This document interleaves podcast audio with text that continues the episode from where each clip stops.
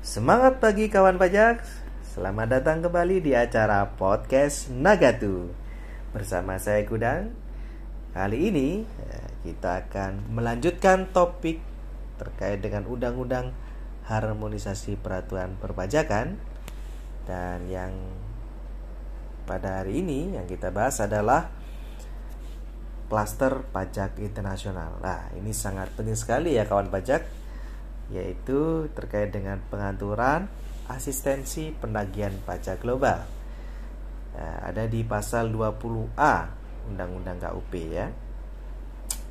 Baik, eh, mungkin kita perlu menjelaskan terlebih dahulu pengertian dari asistensi penagihan pajak global ini ya, kawan pajak. Yaitu pemberian bantuan penagihan kepada negara mitra maupun permintaan bantuan penagihan pajak kepada negara mitra yang dilakukan secara resiprokal atau timbal balik ya, timbal balik berdasarkan perjanjian internasional. Nah, latar belakang dari ketentuan ini saat ini di Indonesia kita ada 13 ya P3B ya, peraturan mengenai penghindaran pajak berganda yang memuat pasal bantuan penagihan namun belum dapat diimplementasikan secara optimal karena belum ada ketentuan dalam undang-undang sebagai legal basis pelaksanaan bantuan penagihan aktif tersebut. Nah, dari 13 eh, P3B itu sendiri yang memuat pasal bantuan penagihan yaitu eh, negaranya terkait dengan eh, negara Aljazair, US, Armenia, Belanda, Belgia, Filipina, India, Laos dan lain-lainnya. Ada 13 negara.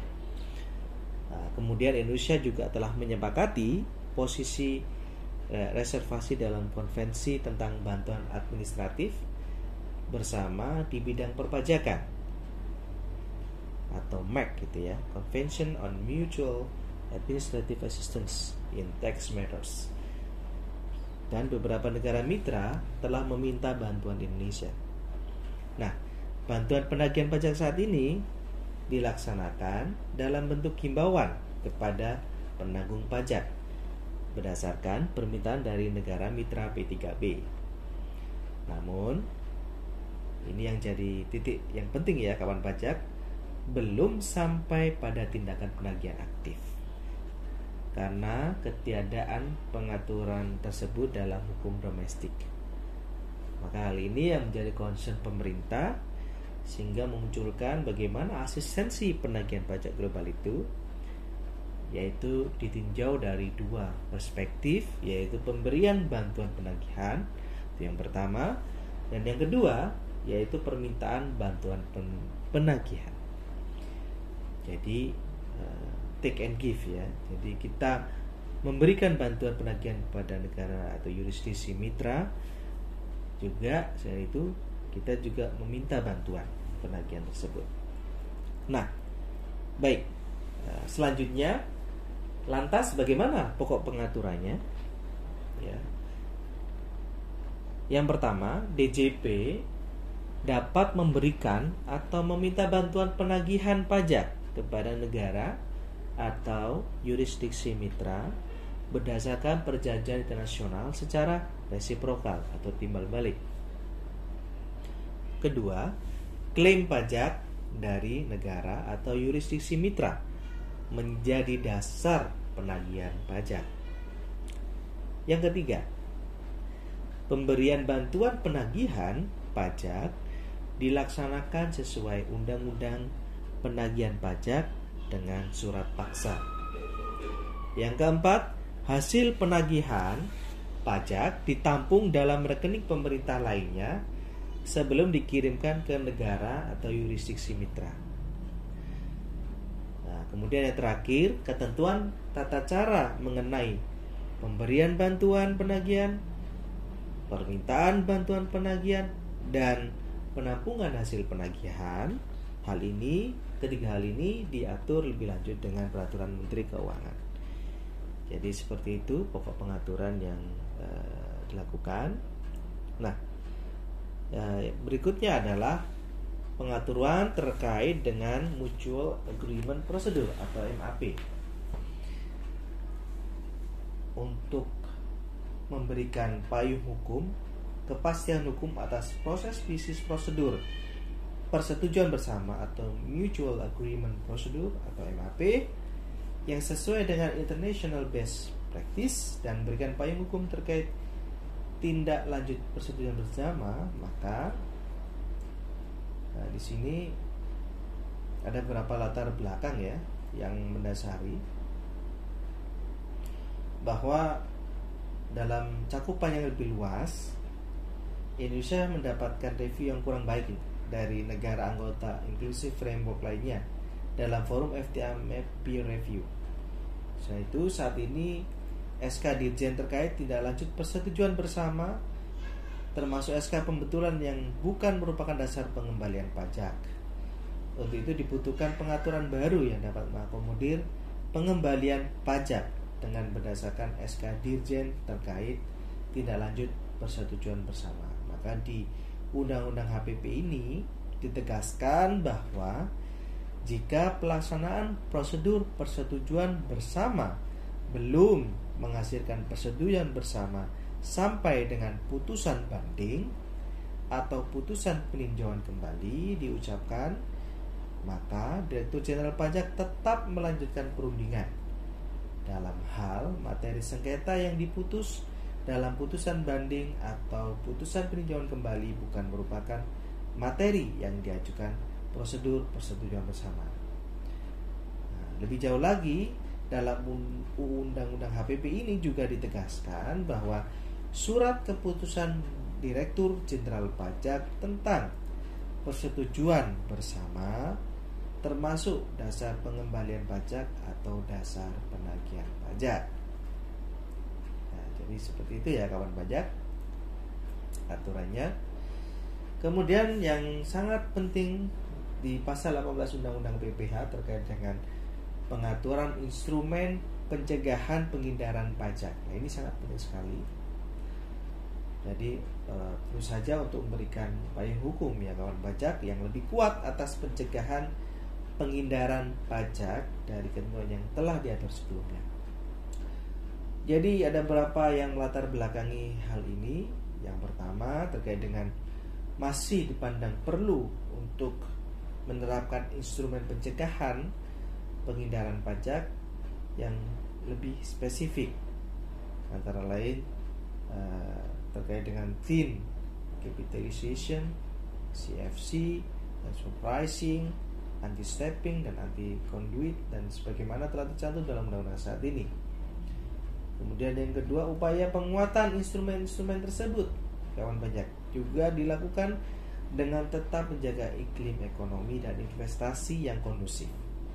Misalnya dengan penerapan pembatasan biaya pinjaman, tidak hanya dengan menggunakan metode perbandingan rasio utang dan modal, tapi juga metode lainnya yang sesuai dengan international best practice. Yang ketiga yaitu adanya spirit untuk mencegah penghindaran pajak dengan melakukan penegasan terutama terhadap transaksi atau skema artifisial yang tidak sejalan dengan prinsip substance of a form. Ya. Jadi seperti itu.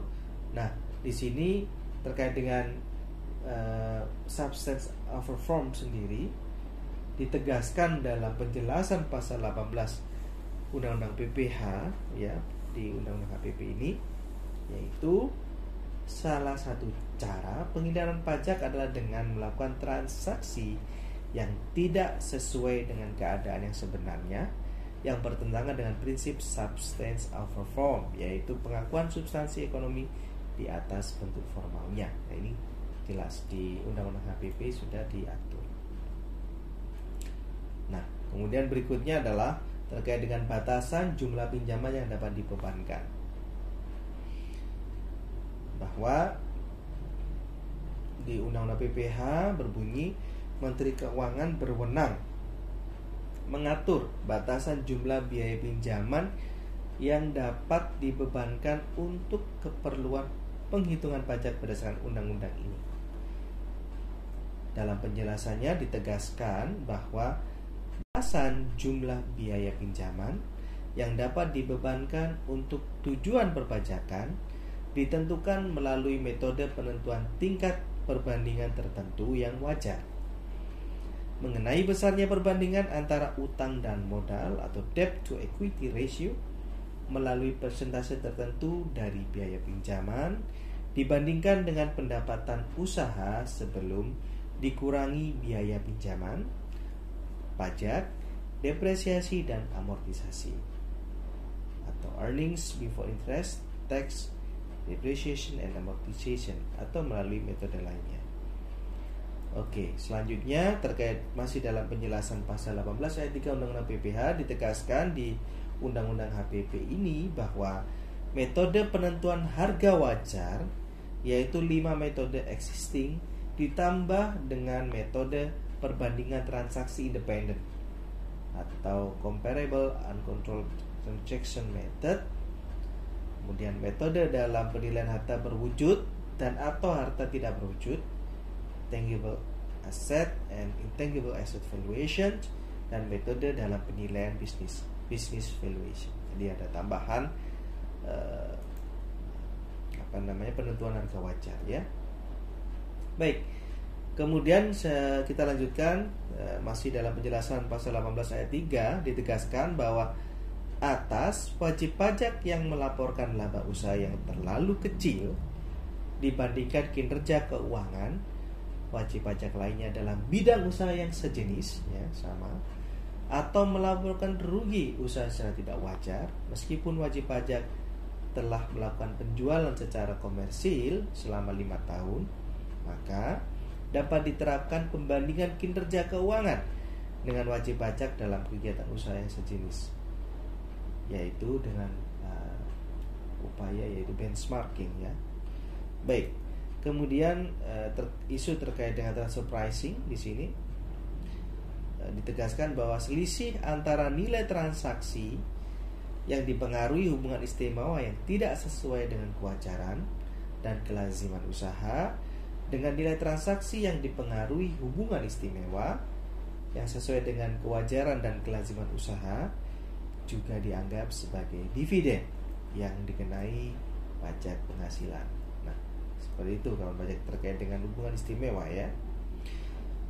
Nah, kemudian di berikutnya juga diatur di Undang-Undang HPP ini mengenai konsensus pemajakan global. Ya.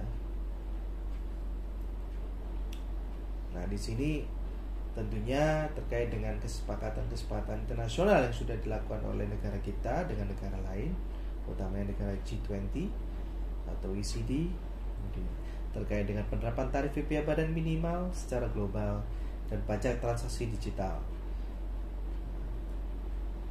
Di Undang-Undang HPP ini diatur bahwa pemerintah berwenang ya untuk membentuk dan atau melaksanakan perjanjian dan atau kesepakatan di bidang perpajakan dengan pemerintah negara mitra atau yurisdiksi mitra secara bilateral maupun multilateral dalam rangka yang pertama penghindaran pajak berganda dan pencegahan pengelakan pajak.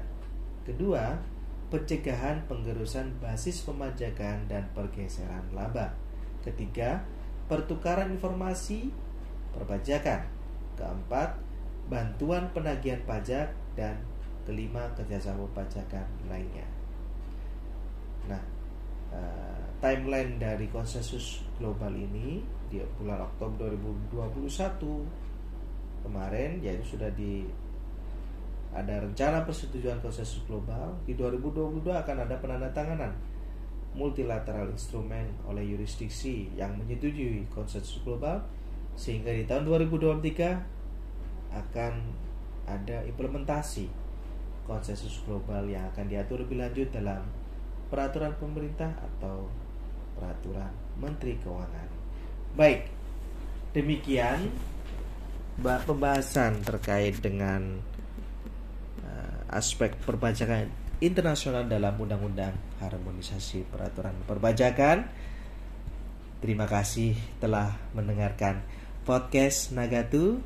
Untuk info lebih lanjut, Silakan kawan baca menghubungi Telegram KP Media Surabaya.